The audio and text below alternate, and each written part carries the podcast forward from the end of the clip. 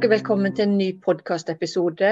Dette er Bente Kvilhausvik. Jeg jobber som førstelektor i sykepleierutdanningen i Høgskolen på Vestlandet, i Campus Stord.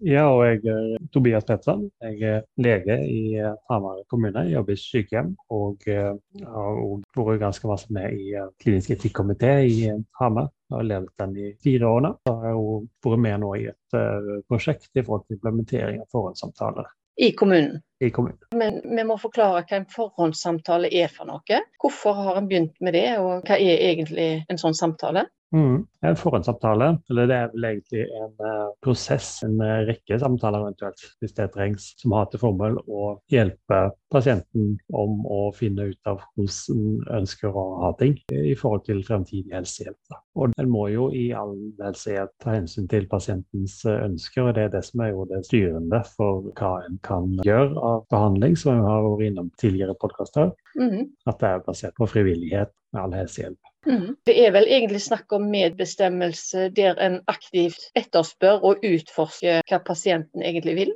Mm. Det er ikke alltid at pasienten kan bare fortelle uten hjelp hva som man har for ønsker mot livets slutt og annen fremtidig helsehjelp, som er ofte tema da, i disse samtalene. Mm.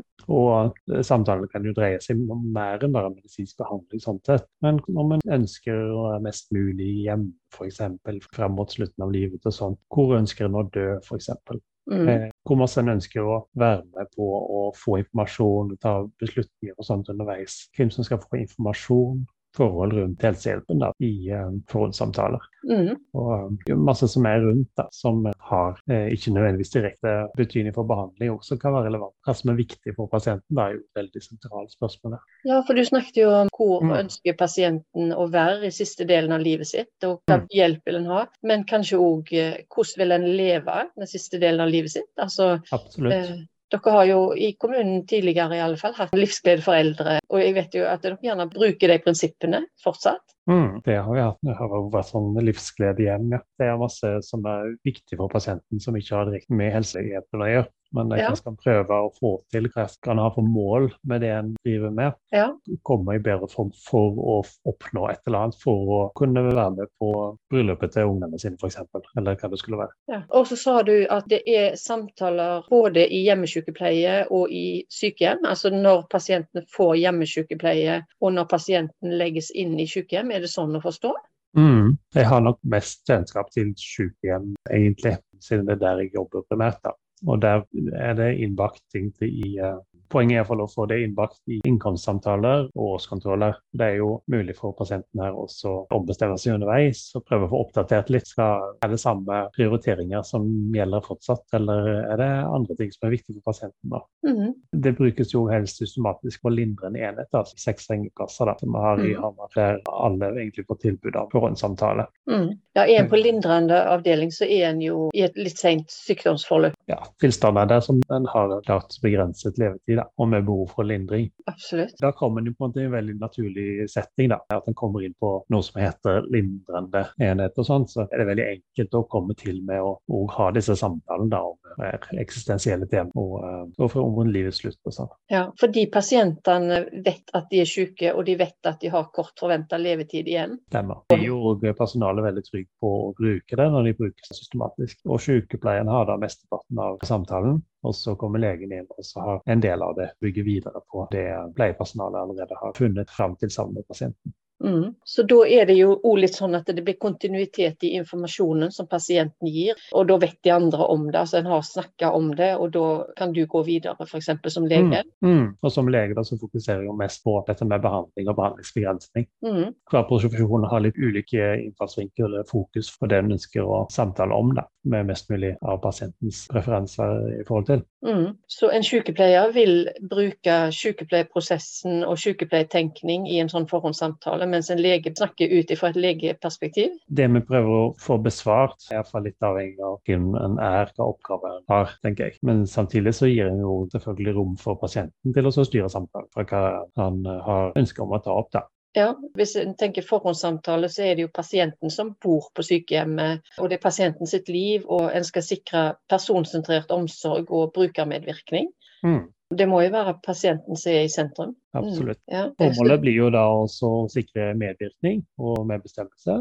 Og at det skal ha en måte å ivareta det også når pasienten på et senere tidspunkt ikke er samtykkekompetent. Altså ja. hvis pasienten senere i livet ikke klarer å ta beslutninger fordi at den ikke lenger er i stand til det, og at den er såpass svekket eh, enten kognitivt eller allment. da. Mm. Da er det jo lurt å få avklart mest mulig og fått gjort gode samtaler og sånt i forkant av at en pasient blir for dårlig, rett og slett. Og i forhold til demens er jo det veldig viktig. Men da mm. er det en utfordring det å anerkjenne at pasient faktisk holder på å bli dement, og at en ikke venter for lenge når en pasient kommer inn på sykehjem pga. en demens, så er det kanskje ja, at en får mindre ut av å prate med pasienten i en forhåndssamtale. Da. Det blir mer å forholde seg til de som kjenner pasienten fra før. Mm. Så da snakker en gjerne en del med pårørende, f.eks.?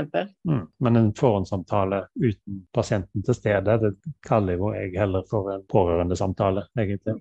Mm. Det blir vel kalt begge deler, sikkert. Men det er jo et poeng å få fram pasientens ønsker, da. Og det mm. får en jo best som førstehåndsopplysninger fra pasienten sjøl.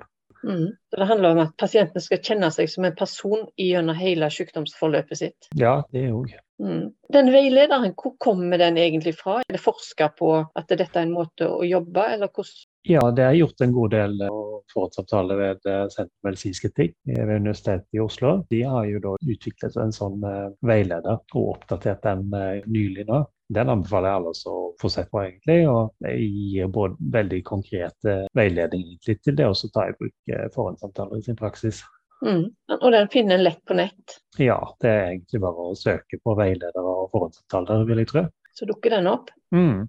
Ja, Men sånn som i Hamar kommune, da, eh, bruker dere forhåndssamtaler i alle sykehjem? Det er jo en del sykehjem der? Vi har fire sykehjemmer i Hamar. Et av det er for pasienter med kognitiv svikt. Der er jeg litt usikker på om de kommer vel oftest inn eh, litt uh, seint i forhold til å ha veldig masse ut av å prate med pasientene om fremtidens ønsker. Men vi alle sykehjemmene så prøver å få mest mulig tak i likevel da, pasientens ønsker og preferanser. Mest mulig i form av forhåndssamtaler og da i innkomstsamtaler med pasient og pårørende. Og ja, Da blir det avhengig av hvor deltakende pasienten kan være. da, Og så igjen ved årskontroller. Da Da tar dere opp tematikken igjen? Mm. Eller så er det relevant å ta det opp ved enhver forverring, egentlig. da. Eller at en har kommet seg gjennom en infeksjon, eller hva det skulle være. sånn, Og så tenke seg om hva en skal gjøre neste gang. da, Og ha kanskje det er naturlig tidspunkt å ta prat om det igjen. da. Mm. At en oppsummerer litt da? Mm. Jeg leste litt i denne veilederen Tobias, om det her å sette rammene for en samtale. Mm. Og her er gjerne mange sykepleierstudenter tenker jeg, som lytter til en sånn podkast som dette. Og da kan det jo være litt kjekt å vite altså, hva er det som gjør det trygt og godt for pasienten å delta på en sånn en samtale. Ja, det kan være nok sikkert gjort på forskjellige måter, men eh, vi har veldig god erfaring med oss at en gir ut en invitasjon i forkant. Vi har eh, lagt noen fine, vakre invitasjoner i grunnen. og Der det står litt sånn hva samtalen skal dreie seg om. Også at det er frivillig, selvfølgelig. Kan ikke pålegge noen å bli med på en sånn samtale. Det er jo litt sånn truende og skummelt for mange å prate om sånne alvorlige tema. Det kan være det. Absolutt. Men å gi ut en invitasjon da vil jo være med oss å gjøre de som er med på samtalen, mer mentalt forberedt. Da. Og bli gitt muligheten til å tenke litt på forhånd. Prate med sine nærmeste på forhånd og sånn. Ja, det er sant det. For da kan de snakke litt mm. om det på forhånd. De kan se på den invitasjonen sammen, og så får de kanskje nesten en liten samtale i forveien før forhåndssamtalen. Ja, sant. Bare mellom pasient og pårørende, f.eks. Ja. ja. Så må vi sette av nok tid. Mm. Du setter den opp et tidspunkt. da. Så de fleste setter opp mellom en halv og en hel time. da. Man må passe på at den er et sted der den ikke blir avbrutt. Legg fra seg eh, telefoner og callinger og forskjellig som man måtte ha. Og at det ikke liksom er på et vaktrom der det kommer forstyrrelser og sånne ting. Mm. Har dere et sånt rom i sykehjemmet? På sykehjemmet bruker vi oftest pasientrommet, egentlig. Mm. For mer oppegående pasienter så kan det jo naturlig kanskje ha et samtalerom eller mm. Det her med valg av rom, det påvirker jo atmosfæren en god del, det. Mm. Så hvordan en oppfører seg, at en er liksom mer rolig og viser at en har tid. En måte å vise at en har tid og ønsker å lytte og sånt, er jo å servere litt kaffe eller noe sånt. For ja, Sette seg ned. Ja, og så er det jo noe med å tenke på at eh, pasienten ikke skal være for trøtt, og at den ikke skal mm. være veldig sulten, eller at det er noe annet som egentlig tar oppmerksomheten. Ja, eller har smerter eller et eller annet best mulig i form til å ha samtalen. da, Så kan en eventuelt utsette det hvis det viste seg å være en dårlig dag for pasienten. Og da regner jeg jo med at det er en av helsepersonellet som leder samtalen. Ja. Og Det kan være en sykepleier, eller det kan være en lege, men det kan òg være en annen. Ja, det pleier ikke å være så mange da, helsepersonell med i samme samtale, egentlig. Oftest så, så deler vi på det, men det, det er greit at én leder og én skriver, da, at en noterer. Ja, for da kan en få lage en eh, god oppsummering til pasienten òg. Mm. Det er veldig lurt det opp mot slutten av samtalen å gå igjennom hva en har pratet om, og hva en har Har vi forstått det riktig sånn og sånn? Oppsummere litt og få bekreftelse og finne ut at en har forstått ting riktig, da. For det kan en jo fort tro at en har gjort. Altså var det ikke helt sånn de mente det likevel, og ja, for å avklare sånn misforståelse. Ja, og da rekker jo pasienten òg å få tenkt seg om litt underveis i samtalen. Mm. Hva tidspunkt tenker du er det optimale å starte med forhåndssamtaler til en pasient? Da tenker jeg eh, det er lurt å ta det så tidlig som mulig, så tidlig som pasienten er eh, klar for å kunne ha en sånn samtale. Mm. Det er jo noe med mental modning og sånn, at en skal anerkjenne hva situasjonen er i. F.eks. at en har en dødelig sykdom eller sånn, som kanskje er bakgrunnen for at det blir aktualisert. Da. På det tidspunktet en får en kreftdiagnose f.eks eller på det tidspunktet en får uh, beskjed om at det ikke er så mye mer, at det ikke er noe håp i forhold til uh, kurasjon av en kreftsykdom. Mm. Og gjerne da ved alle de tidspunktene. Og så kan det godt være at uh, pasientens prioriteringer er helt annerledes ut ifra prognose, da, rett og slett. Mm. Hender det ofte at pasientene endrer mening? Er det erfaringen din? Nei, ikke så ofte. Men det er veldig viktig å ta høyde for, for det er jo selvfølgelig absolutt lov å endre mening. Mm. Og det er jo lurt å si i en samtale at en kan ombestemme seg. Og um, da blir det litt mindre skummelt å svare òg, da. Det er ikke mm. sånn ja, da har vi sagt det, da må det være sånn for alltid. Mm. Og det er jo grunnen nok til at en må gjenta forhåndssamtaler da, ved vesentlige endringer da, i helsesituasjonen iallfall. Mm. Så når en skal snakke med en pasient om alvorlige tema i livet sitt, hvordan en vil ha det den siste tida en lever og sånn, har du noen gode tips i forhold til hvordan en snakker med en pasient da? Det er noe med dette rommet og alt dette her som vi snakket om. Men selve dialogen der, har du noen gode tips til hvordan pasienten kan slappe av og få lov å fortelle? Nei, Han hadde jo alltid litt smalltalk eh, helt eh, med en gang. da, At en ikke hopper rett på eh, vanskelige spørsmål. og Kanskje avklare litt og prate litt om ting som ikke er så skumle til å begynne med. Og så kan en godt legge opp til spørsmål der pasienten kan svare ganske fritt. da, og det framkommer litt hva som er viktig for pasienten. Det er et litt vanskelig spørsmål å svare på akkurat det. da, Hva er viktig for deg? Det er veldig åpent, og det kan være vanskelig igjen. Men ganske så ofte tar utgangspunkt i den invitasjonen. da, at det er en veldig fin inngangsport. Spør noe sånt som om de har sett på invitasjonen, og også sett på hva denne samtalen er ment å dreie seg om, og mm. hva de har tenkt rundt det. da. Ja, En god måte mm. å starte på. Ja, for Det kan jo hende det at pasientene har tenkt ganske mye rundt hvordan det kommer til å være i siste delen av tida på sykehjemmet f.eks., og siste delen av livet sitt. Mm. Det kan godt være. Det kan godt være at pasienten frykter noe annet i forhold til sine ideer om hvordan ting blir. At det er veldig smertefullt å dø, f.eks. Veldig mange er opptatt av det å ha vondt. Så her kan vi komme med masse trygging og sånt i forhold til at en har medikamenter da, og til å lindre og sånne ting. Mm. For å avklare mye bekymringer og sånt, det er en nyttig del av forhåndssamtalen òg. Mm. Og så er det jo også å prøve å få tak i litt hva pasienten har for håp, hva ønsker en. Og ja, hvordan det er viktig at vi oppfører oss i forhold til det. da. Pasienten får lov til å bevare sitt håp, men det endrer seg ofte underveis. da. Håpet? Håpet, ja. Håpet går kanskje fra håp om å bli frisk fra den tilstanden en har, til at en har fortsatt god funksjon, til at en blir godt lindret iallfall. Det justerer seg underveis i et sykdomsforløp ofte. Og gjerne til å kunne ha livskvalitet hele veien. Mm. Og kanskje det er viktig da at en ikke går for langt med å fokusere på hvordan ting blir mot slutten før pasienten er der og er klar for de spørsmålene. Mm. Men det må en jo da prøve å få tak i underveis i samtalen, da, hva pasienten egentlig ønsker å prate om. Modne disse tankene er hos pasienten. da, og Det er veldig viktig å bevare håpet om et trinn før det en gjerne skulle pratet om. Så, så må en gi seg med det da, og dreie samtalen til et tidligere forløp. Da. En kan gå tilbake i den alvorlighetsgraden der. Mm må være realistisk fortsatt. Vi bør ikke bekrefte pasientens vrangforestillinger om at han kommer til å bli frisk, f.eks. Det, det trenger vi ikke gjøre. Nei, men en kan snakke om livet her og nå? Ja, en trenger ikke å fokusere på det som pasienten ønsker å unngå. Nei, en kan fokusere på livet, en kan fokusere mm. på dagen i dag. Av og til sier jeg gjerne det nok. Mm. Det er jo noe håp en kan finne i alle situasjoner. Mm. Mennesket er bra på det. Mm. Og det å ha gode familierelasjoner, gjerne, at det blir en av de tingene som en kanskje er opptatt av òg. Håpet kan ligge litt der. Mm. Eh, pasientene får jo en invitasjon til å være med på forhåndssamtaler, men må de være med? De må ikke det? Nei, det er frivillig det som annen helsehjelp og sånn, selvfølgelig. Men vi må jo likevel på et eller annet tidspunkt ta stilling til disse spørsmålene. Sånn ja. som HLR minus og den typen ting. Hvor langt går en i behandling på et tidspunkt? Skal en eller skal en ikke tilby denne behandlingen. Så må jo pasienten da svare på om en ønsker å ta imot, og da kan en måtte ta ting etter hvert istedenfor. Men så kommer det til det tidspunktet at pasienten ikke er i stand til å ta de beslutningene sjøl. Mm. Da har en en styrke i det å ha gjort en forhåndssamtale. At en vet veldig mye mer om hva pasienten ville valgt her. Man har fått noe svar på det på forhånd. da. Mm. Man vet litt om verdiene til pasienten. Mm har noe, noe mer å, å, støtte beslutningene på. det. Men det er jo nyttig for oss som helsepersonell først og fremst, at vi føler trygghet i det vi gjør. At vi vet at vi gjør det som blir det riktige for den pasienten. Eller iallfall at en da styrker pasientens sjølråderett i situasjoner han ikke lenger er i stand til å uttrykke sjøl. Mm. Og så har du dette med pasienter som har kognitiv svikt. Du sa litt om det med sykehjemsavdelinger der det er mange demente pasienter, og der en kanskje ikke har like god nytte av de forhåndssamtalene som på enkelte andre avdelinger. Men en forsøker å gjøre det likevel, gjerne. Kan jo dele opp ting litt, at en har med pasienten i deler av samtalen, og så går en litt mer i dybden med pårørende. Mm. Det, men det blir jo opp til situasjonen for den enkelte pasient hva han klarer å, eller hva er det nyttig at han er med på.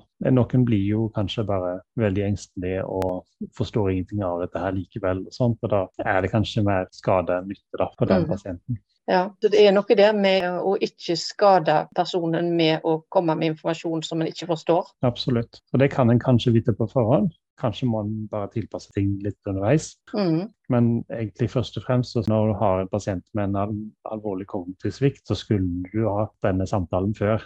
Men det er ikke så nyttig å vite, kanskje. Men det, det kan jo prøve å planlegges bedre en annen gang. Det det. Men det vil ikke hjelpe den personen. Det vil kanskje hjelpe andre pasienter. Mm. Mm. Jeg tenker litt sånn, Det kommer av og til nye sykepleiere inn i en avdeling der dere har jobba en god stund og hatt forhåndssamtaler og sånne ting. Og så blir gjerne en person en del dårligere, og så skal dere gi helsehjelp. Eller det kan komme en ny lege inn og, som ikke kjenner pasientene, ikke vet. Så hvordan dokumenterer dere sånn at nytt helsepersonell kan finne informasjonen? Er det et godt system på det? Det vil jo være litt forskjellig fra journalsystem til journalsystem, tenker jeg. Hva som er gode måter å gjøre det på.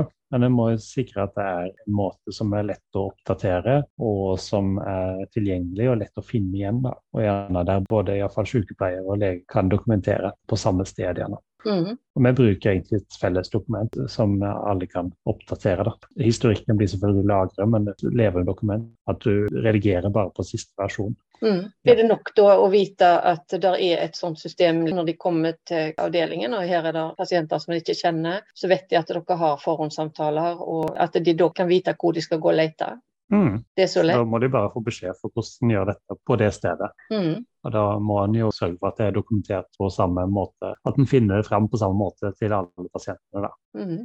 Hva har tilbakemeldingene vært fra pasienter eller fra pårørende det er egentlig veldig gode tilbakemeldinger. Pasienter er ofte glad for at disse temaene blir tatt opp. Mm. Noen har sier sånn at det, det, er jo dette vi ønsker å prate om. og Det kan jo være langt ut i masse kontakt med helsevesenet, og sånt, men at uh, en har pratet om andre ting. Alt mulig annet, men ikke om uh, hva som er viktig for den pasienten likevel. Mm. Ikke blitt tatt med på beslutningene i den grad, da, og fått uttrykke hva som en har for mål, egentlig, og osv. Mm. Så det for pasienter og pårørende blir veldig trygget av at en har pratet om her eksistensielle tema. Og det gir jo en trygghet da, at en gjør det som er pasientens ønske. Mm. Og ikke overkjøre pasienter og pårørende sånn sett, men at de får komme til orde og få sagt sitt. Og det gir jo også tillit og grunnlag for godt samarbeid. da. Så sånn sett så skulle en kunne gjort det tidlig? Mm. Mm. Sykepleierne, hva sier de? De er også veldig fornøyde med når det har eh, blitt gjort forhåndssamtaler. Mm. Og eh, det kan jo være krevende å være med på. Det kan jo være emosjonelt krevende.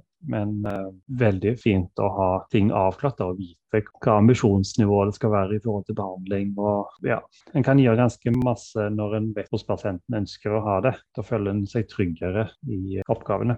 En blir jo veldig mye mer kjent med pasienten, vil jeg tro. Mm kan gi mye mer personsentrert omsorg da, når en har større kjennskap til den enkelte pasient. Mm. Mm. Og legene? Ja, alle er vel enige om at det er verdifullt når det er gjort. Og så er det jo det med tidsbruk og sånt som ofte kan være litt til hinder for at det faktisk blir gjort. Mm. Men opplever du at sånn i lengden, opplever du at eh, en egentlig bruker mer tid hvis en setter av tid til en god samtale? Jeg tror ikke en egentlig gjør det. En bruker mer tid på de pasientene som ikke er kommet dit at en må ta beslutningene ennå. Og så får en den tida igjen egentlig seinere senere i forløpet. Jeg tror ikke nødvendigvis det er et eh, tidstap. Og Iallfall hvis en får hjelp av primærkontakt til å ha da mesteparten av samtalen. Mm. Så du får en tryggere pasient, og så får de et bedre tilbud som er mer mm. spissa inn mot hva de ønsker sjøl. Og mm. Det er lettere for dere å ta beslutninger. Stemmer. Mm. I hverdagen ellers så føler jeg at vi bruker egentlig veldig masse tid til å ta beslutninger om en skal gjøre en behandling som rett vet er mulig, og som man kanskje er det optimale medisinsk sett, mm. men som kan være krevende for pasienten. Og ja, om det er riktig eller ikke å gjøre det. Ja, for så Hvis du har snakket med pasienten på forhånd, så kan du lettere ta den beslutningen der. Mm, mm. Hva er det som hindrer at en har forhåndssamtaler? Hvorfor er det en ikke kommer i gang? Ja, det var jo mye det som var inne på nå, at en tenker at dette her tar altfor masse tid. Det er nok en ny ting som vi skal drive med. Stadig tidstyver i dette faget. Så det er en skepsis i forhold til det som er nytt og, og som kan stjele tid. Mm. Jeg vil sette opp to ting som er veldig viktige. Det, og det er det med tid, og så er det frykt. Altså at det kan være skummelt. Særlig når man ikke har erfaring med å prate om eksistensielle spørsmål og døden og sånn. Så mm. kan det være veldig krevende å gå i gang med det. Hvordan skal vi mm. begynne på det, egentlig? Komme inn på det. Hvordan vil pasienten reagere, osv. Mm. Så du tenker det er krevende sjøl for helsepersonell? Ja, frem til en har erfaring med det, så er en jo ikke så veldig mye bedre rustet enn pasient og pårørende, egentlig. For en må jo samtidig være en profesjonell partner oppi dette her, og kan tenke at det er større forventninger til helsepersonellet, og det er det jo, for det må det jo være. Men det, det kan jo høyne terskelen for å ta i bruk forhåndssamtaler, da. Mm. Men jeg tror jo at uh, den store styrken vi har, er jo det at uh, vi får mengdetrening. Ja. Vi kan prate med veldig mange. Fordi dere har satt det i system?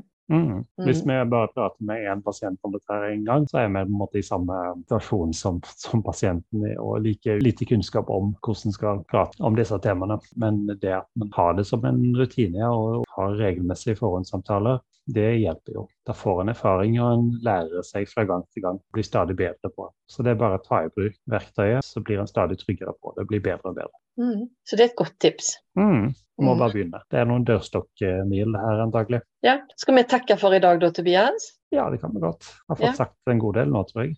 Ja, ha det godt. Ha det bra. Du har nå hørt en podkast fra Høgskolen på Vestlandet. Du kan høre flere podkaster fra oss ved å gå inn på nettsiden hvl.no. slash podkast.